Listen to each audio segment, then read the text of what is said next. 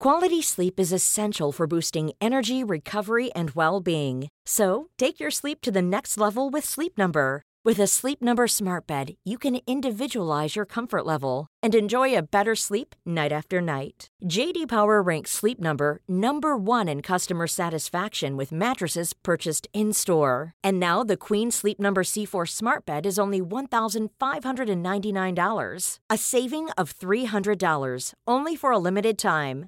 For JD Power 2023 award information, visit jdpower.com/awards. Only at Sleep Number stores or sleepnumber.com. A lot can happen in three years, like a chatbot may be your new best friend. But what won't change? Needing health insurance. United Healthcare Tri Term Medical Plans, underwritten by Golden Rule Insurance Company, offer flexible, budget friendly coverage that lasts nearly three years in some states. Learn more at uh1.com. Ryan Reynolds here from Mint Mobile. With the price of just about everything going up during inflation, we thought we'd bring our prices down. So to help us, we brought in a reverse auctioneer, which is apparently a thing. Mint Mobile unlimited premium wireless. Ready to get 30, 30, bit to get 30, bit to get 20, 20, 20, bit to get 20, 20, bit to get 15, 15, 15, 15 just 15 bucks a month. So, Give it a try at mintmobile.com slash switch. $45 upfront for three months plus taxes and fees. Promo rate for new customers for limited time. Unlimited more than 40 gigabytes per month. Slows. Full terms at mintmobile.com. Velkommen til Historie som endret Norge. Håper du har en fin førjulstid. I desember får du litt ekstra å lytte på fra oss i Historie som endret Norge. Nå skal du få høre igjen en julespesial som vi gjorde i fjor, om den norske nissen, sammen med Ane Orvik. Gjenklang.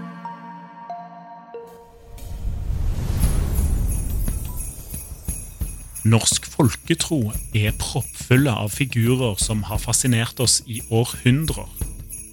Men ingen har likevel kommet nærmere oss enn den lille gråkledde mannen med rød lue og langt skjegg. Han har blitt et symbol på vår jul og blitt et symbol på det som er erkenorsk. På godt og på vondt.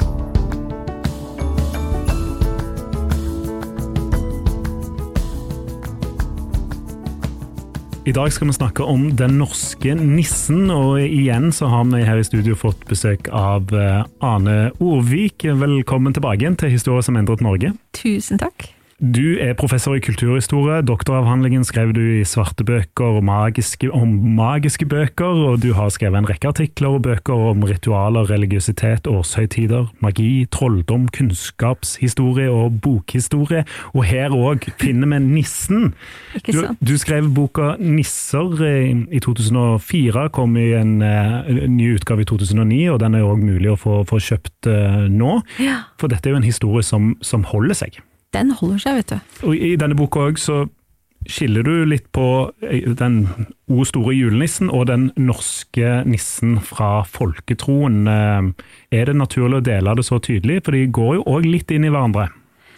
Ja, altså de går jo litt eh, inn i hverandre, det gjør de altså. Men historisk sett så er det også enkelt å skille dem av. Eh, de har på en måte to, to utviklingsløp. Mm.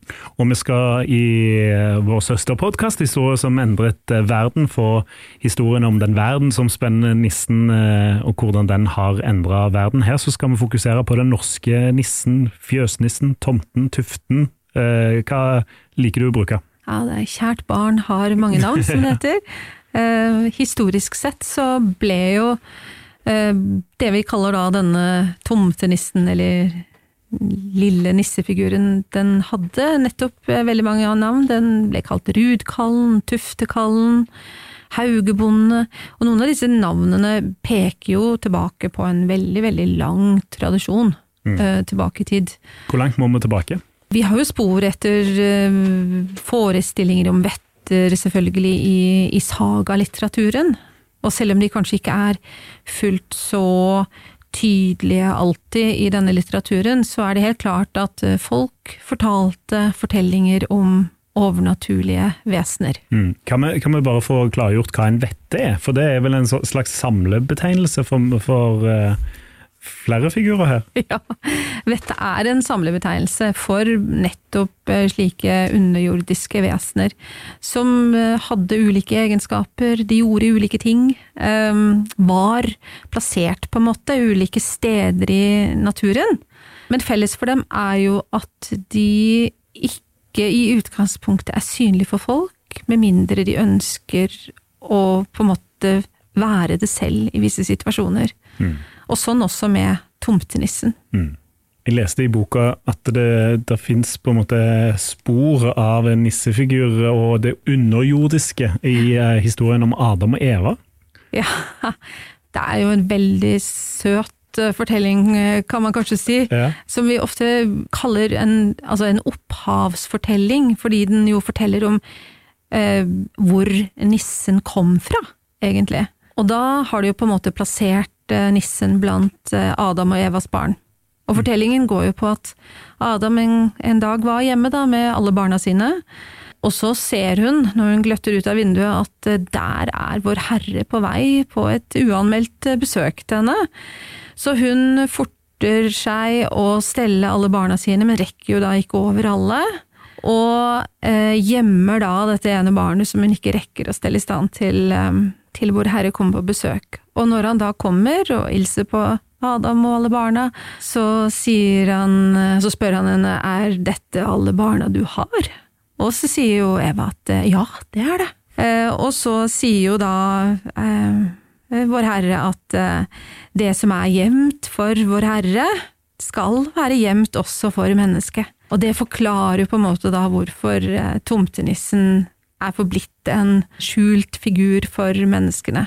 Mm. Og Jeg ser for meg denne historien her er blitt eh, brukt til å forklare når skeptikerne lurer på ja, men denne nissen, hvor, hvor kommer den fra? Så drar du fram den historien, så, så får du overvunnet flere. Ja, ikke sant, men det er interessant du sier det, fordi det er jo en måte å plassere nissen inn i et kristent univers. Eh, og hvis vi går på en måte til den tidligere sagalitteraturen, så er jo ikke vettene nødvendigvis eh, religiøse figurer, ikke sant. Så, så du har helt rett. Det er en på en måte kristeliggjøring av uh, denne forestillingen, Ja. Når vi skal jakte på den norske nissen, for det er det meg og deg gjør nå. Norrøn tid, var, var nissen til stede der? Ja, den er på stede på den måten at den dukker opp i sagalitteraturen som mer eller mindre tydelige beskrivelser.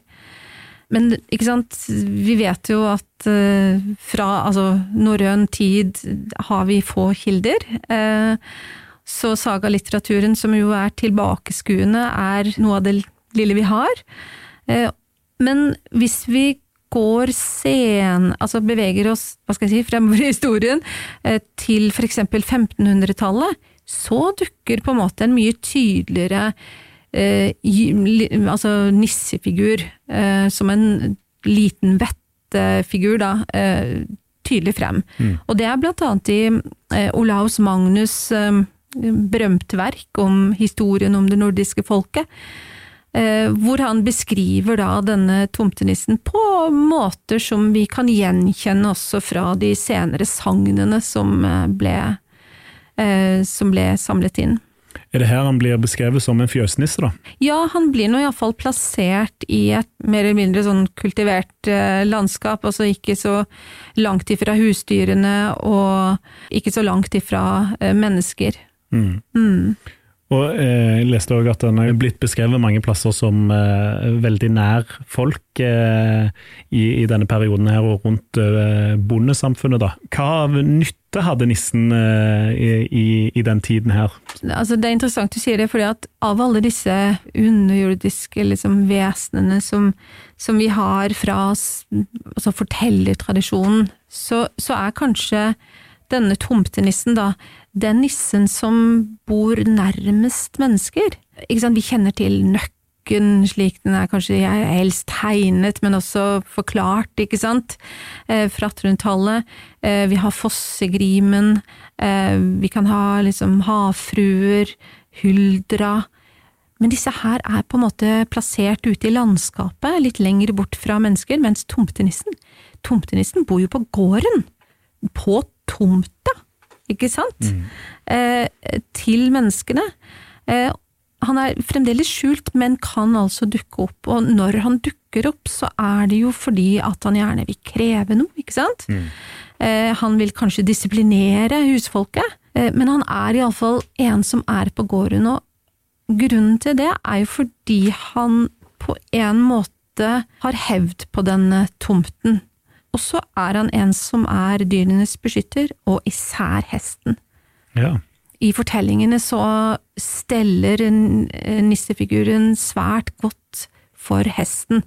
Noen ganger så kan han være direkte stygg mot de andre husdyrene, mot kuene og, og, og så videre, men hesten, hesten er for han eh, dyrebart og svært kjært. Det var det vel for bonden òg. Absolutt, absolutt. Hesten Hesten var- var, helt essensiell, selvfølgelig, eh, for, eh, for jordbruket, så eh, absolutt. Når går han fra en hjelpsom eh, bidragsyter på, på gården til å bli en sånn hissigpropp, eller har han alltid vært det? Det som er egentlig veldig fint med denne tomtenissen, er at han er jo så mye. Ja. Eh, og når hva skal jeg si, hans personlighet, da, hvis man kan kalle det det, blir fiksert til papir gjennom liksom, folkeminneinnsamlingene på 1800-tallet, særlig gjennom Andreas Fayes sangensamling i 1833, eller eventyr- og sagnsamlingene som, eh, som Asbjørnsen og Moe eh, publiserte litt senere, så på en måte blir disse, disse egenskapene til han fiksert og jeg vil ikke kanskje si sementert, men, men de blir iallfall veldig tydelige. Men han fremstår likevel som en ganske ambivalent figur, fordi at, ikke sant, han er en beskytter, eh, men han er også en hissig propp. Han kan ha sterk rettferdighetssans. Ikke sant? Hvis noen unndrar seg å dele av sin overflod, så kan han komme som en som irettesetter eh, og krever. Um, og han krever jo absolutt på egne vegne også, det er jo derfor han skal ha denne grøten ikke sant, på, på julaften, og, og gjerne også den beste sengen i huset skal stå tom på julenatta, for der skal nissen sove. Så han, han krever respekt i disse fortellingene, og han er på en måte på sett og vis en type moralsk vokter, og en som sørger for at uh, visse regler blir overholdt eh, i husstanden. Det at folk har, hadde behov på denne tiden til å, å ty til det overnaturlige og ha, finne en forklaring på ting. Hvorfor eh, måtte man ha en forklaring på en gårdsnisse? Det er vanskelig å si noe veldig sikkert om i hvor stor grad folk trodde fullt og helt på alle disse eh, underjordiske skapningene som de fortalte fortellinger om. Men det er veldig tydelig i et stort og rikt kildemateriale vi har, at folk i det norske bondesamfunnet tok spesielle hensyn når de utførte arbeidet sitt. De tok spesielle hensyn i forhold til hvordan de beveget seg, både ute og inne, eh, eh, og i landskapet, eh, ut ifra forestillinger om at de ikke var alene. Var det på en måte at eh, de nødvendigvis ikke trodde på det, men i tilfelle? Altså at de tok Ja, ja. forhåndsregler? på Ikke sant? Bedre føre var enn etter snar, og så Ja.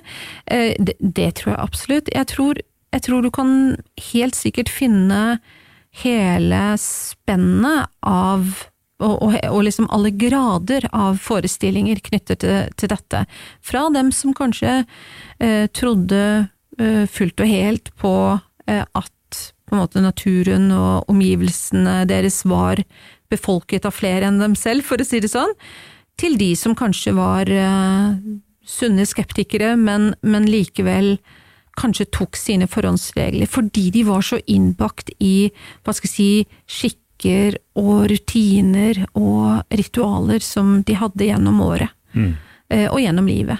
Men jeg leste i, i boka di Nisser at det, um, det var ikke alle som hadde en fjøsnisse.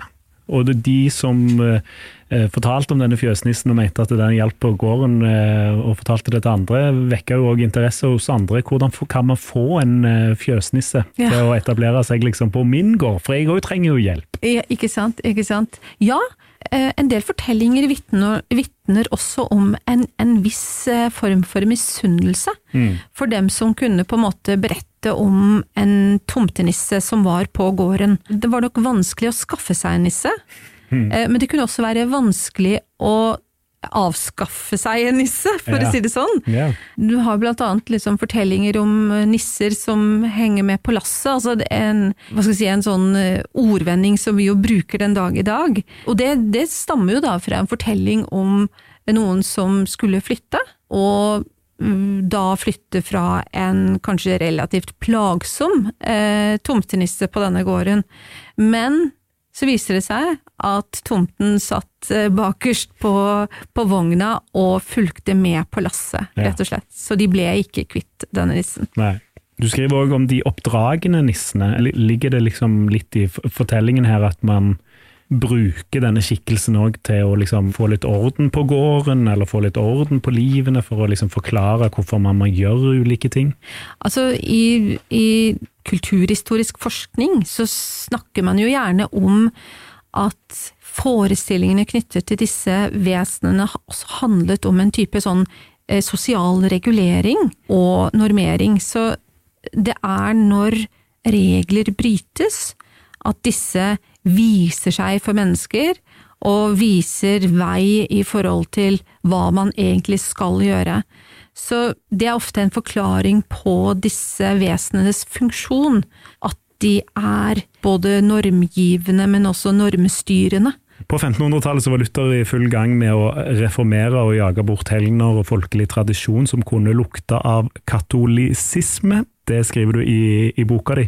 Hvordan overlever vår tomtenisse Luthers herjinger i Europa? Vet du, det overlever tomtenissen eh, som bare det, Ja, for å si det ja. sånn. Det er kanskje ikke Luther som blir den største fienden for eh, tomtenissen, men i kjølvannet av reformasjonen så er det klart at eh, det jo bidrar og, og over tid til en økt protestantisk disiplinering, som det kalles, altså at man ønsket å oppdra sine undersåtter, eller kirken ønsket å oppdra sine undersåtter eh, i den rette kristne tro og lære, eh, og i den rette kristne tro og lære så var det jo lite rom for forestillinger om overnaturlige vesener, det var lite rom for folkelig magi eh, og tro på heksekunst. Det var mang en eh, teolog og geistlig som gikk i bresjen for, for å bekjempe slike forestillinger, og eh, blant dem en av de mest ihuga på 1700-tallet for eksempel, som heter Erik Pontoppidan, han gikk jo til motangrep for alle disse tradisjonene som han eh, observerte eh, rundt seg. Han var blant annet eh, biskop i Bergen på, på et tidspunkt, og hadde si, gode kilder for å, for å uttale seg om disse folkelige tradisjonene og forestillingene, og han kalte det jo liksom ørkesløst, edderkoppspinn og, og så videre og så og skrev jo bøker eh, med dirrende harm penn, eh, som jo var eh, pamfletter til liksom prestene, slik at de skulle kunne bekjempe disse forestillingene. Og i hvilken grad eh, prestene gjorde det? Ja, de eh, gjorde jo det, men eh, kom ikke eksempel tomtenissen til livs av den grunn. Nei. Hvorfor ikke? Eller var det Ja, hvorfor ikke? Det er kjempeinteressant. Ja, Trodde de på han litt sjøl, kanskje? Ja, ja, det kunne vi jo kanskje spekulert i. Nei, kanskje, kanskje tomtenissen var på en måte en sånn nyttig figur. Ja. En, en fin fyr å, å ha i nærheten. Eh, en fi, fin fyr å fortelle historier om. Eh, som hadde viktige funksjoner for å Liksom i oppdragende forstand. For å lære både voksne og barn om rett og galt, og eh, ha respekt for mennesker og dyr, og eh, være snill. Ja. Ja, det fins jo, det finnes jo verre, verre typer eh, i dette landskapet. Ja, det vil jeg si. ja. Ja. Hei, Christian fra Historier som endret verden her. 7. til 21. mars inviterer Universitetet i Oslo til festivalen Inn i historien. Det blir samtaler, foredrag, filmvisning, byvandring og mye mer. Lurer du på hva som skjer i Russland, så er det bare å komme på gratis frokost i Domus biblioteka den 12. mars. 20. mars snakker annet Peder Kjøs på Deichman Grünerløkka om følelser før tiden og nå. Det er masse sånt gøy som skjer. Og Faktisk skal jeg ha ikke bare én, men to livepodder. 12. mars klokken seks på Deichmanske Romsås skal jeg snakke med Kjerstin Aukrust om det franske kolonirikets fall, hvor det gikk fra å være verdens nest største kolonirike til å miste alt i løpet av bare et tiår. Dagen etter, 13. mars, også klokken seks, skal jeg snakke med Anders Bettum om da Europa ble så vanvittig opptatt av pyramider og mumier at det bikket over i egyptomani. Dette er da på Deichmanske Nordtvedt. Dette blir kjempegøy, og det er utrolig mye bra på plakaten. Sjekk ut hf.ujo.no, eller Google inn historien, så finner du hele programmet. Og du, alt er gratis. Quality sleep is essential for boosting energy, recovery, and well being. So, take your sleep to the next level with Sleep Number. With a Sleep Number smart bed, you can individualize your comfort level and enjoy a better sleep night after night. JD Power ranks Sleep Number number 1 in customer satisfaction with mattresses purchased in-store. And now the Queen Sleep Number C4 smart bed is only $1,599, a saving of $300 only for a limited time. For JD Power 2023 award information, visit jdpower.com/awards. Only at Sleep Number stores or sleepnumber.com. Cool fact a crocodile can't stick out its tongue. Also, you can get health insurance for a month or just under a year in some states. United Healthcare short term insurance plans, underwritten by Golden Rule Insurance Company, offer flexible, budget friendly coverage for you. Learn more at uh1.com. Vi skal bevege oss litt nærmere vår, vår, tid og snakke litt om disse julekortene. Hva betydning har julekortene for eh, at eh, tomtenissen når ut da, til det brede lag og blir et symbol på, på jul? Du, det er et veldig godt spørsmål. Men det vi jo ser av eh, den på en måte mer nære tomtenissehistorien, eh, og også julekorthistorien, er jo at i de første julekortene som blir produsert, så er faktisk tomtenissen en veldig viktig figur. Og så er det slik at gjennom postkortene så ser vi hvordan de prøver å eksperimentere litt med denne figuren også. Plutselig så kommer tomtenissen med en slede full av gaver, og så skal tomtenissen være gavegivende figur, da, eller skal han være liksom egentlig den storvokste julenissen og komme med gaver? Hva er det man liksom prøver på her? Og så ser man at nei, det slo kanskje ikke fullt så godt an i disse julekortene, så fortsetter man kanskje med julekort hvor eh, nissen sitter på låven, eller nissen spiser grøten sin, eller steller med hesten, og er kanskje en mer godlynt nissefigur enn det kanskje noen av fortellingene jo vitner om. Men summa summarum, en veldig viktig figur i den senromantiske forestillingen om den norske julen, hvor han på en måte har en veldig selvfølgelig plass. Mm. Og da særlig egentlig bare nissen alene som en mannsfigur. Ja. ja. Hvor er konemor? Ja, ikke sant, hvor er konemor? Veldig lite til stede, må jeg si. Mm. Eh, det samme med nissebarna. Ja. Eh, det finnes jo fortellinger, vi har jo sang som vitner om at han hadde en familie der nede under, i det underjordiske, mm. men i sagnene og i illustrasjonene som følger av disse sagnene, så er eh, nissen først og fremst en liten, kortvokst mannsperson. Mm. Blir nissen symbol på det norske allerede på 1800-tallet, når vi prøver å leide, leide fram alt som er norsk? Det vil jeg hevde at han blir. Det som er litt sånn interessant med tomtenissen, og som kanskje ikke så veldig mange vet, det er jo at i fortellingene om nissen, så er han jo en såkalt helårsfigur. Ja. Han er jo ikke spesielt knyttet til julefeiringen, Nei. men i særlig de første fortellingene som publiseres som tomtenissen, men også i julekortene, så er det julefeiringen og jula som en høytid som han knyttes til. Hvorfor? Nei, det vet jeg ikke. Det er, liksom, det er noe med grøten han skal ha på altså De har hengt seg Disse som på en måte fikserer dette, henger seg opp i at nissen skal ha grøten sin, ikke sant? Og så henger de seg opp i at eh, han passer fint sånn billedlig og i farver knyttet til et hvitt julelandskap, men han blir iallfall et veldig sterkt symbol på den norske julen. Mm. Slik vi gjerne vil forme den, da. Altså er det, Får han òg litt drahjelp av O store julenisse, som har vært rundt, eh, rundt omkring, og som stammer fra Sankt Nikolaus, og at han blir litt tydeligere for oss i Norge òg, og så leiter en litt fram etter den norske versjonen på 1800-tallet, og derfor plasserer de han på samme tid rundt høytiden? Ja, det er en interessant teori, og jeg tror du i stor grad har rett.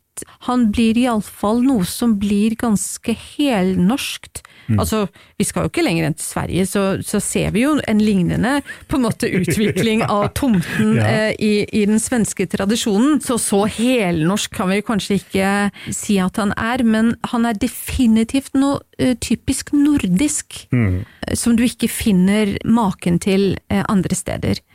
Og så vil jeg si at de, om ikke går hånd i hånd, så går de side ved side.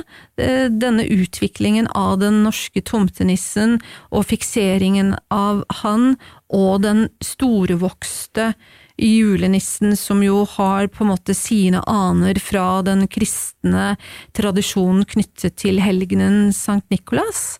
Og mens Sankt Nikolas på 1800-tallet blir stadig snillere og snillere, mindre på en måte oppdragende, ikke sant, og en veldig tydelig gavegiver i den moderne borgerlige julefeiringen, så er på en måte tomtenissen fremdeles denne landens figur, ikke sant? Hører til mm, det norske bondelandskapet og til den norske naturen, og er på en helt annen måte enn denne storvokste julenissen, som helt klart eh, oppleves som en import, også av nordmenn, eh, når han etableres. Så er liksom tomtenissen, den, den er norsk, den. Ja. Nasjonale symboler ble jo òg forsterka under okkupasjonstiden på, på 40-tallet.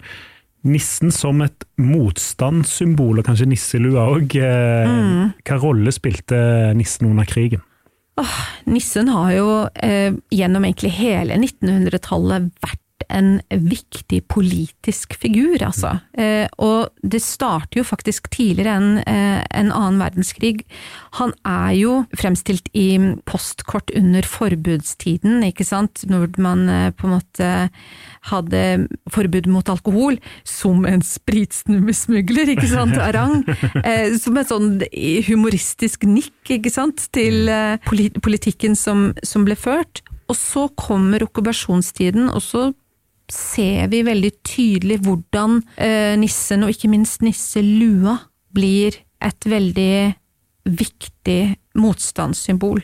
Og det var jo i eh, forkant av julen 1941 at en trykker i Stavanger trykte en serie av ni julekort. Okkupasjonsmakten inndro vel disse kortene rett før jul, og forbød postkontor over hele landet eh, å sende disse ut til dem som egentlig skulle ha dem. Og som jo da viser at eh, tyskerne med all mulig tydelighet skjønte hvilken på en måte kraft det lå i eh, nissen og nisselua som et sånt motstandssymbol. Og når tyskerne forbyr det, så blir symbolet sterkere. Absolutt. Og da trenger du nesten ikke lua engang Nei. for å på en måte vise til symbolets kraft. Du kan bare, sånn som Torbjørn Egner som pirket, altså hvor en nisse vel pirker seg selv i, i, ho- i hodebunnen, eh, og så er det nok til at alle skjønner at der er lua. Å gå fra kampene på 40-tallet til EU-kampene, det er jo et stort sprang, men det er jo kort uh, i denne lange tidslinjen som vi opererer i, da, så, men det er jo en helt annen kamp. Men EU-kampene, uh, der kommer òg nisselua, blir brukt kanskje da som et sånt skjellsord fra, fra ja-siden, eller? Ikke sant? Men den ble brukt fra begge sider. Det er det som er så morsomt også. Ja. Eh, og som også på en måte viser til tomtenissens an anvendelighet, da.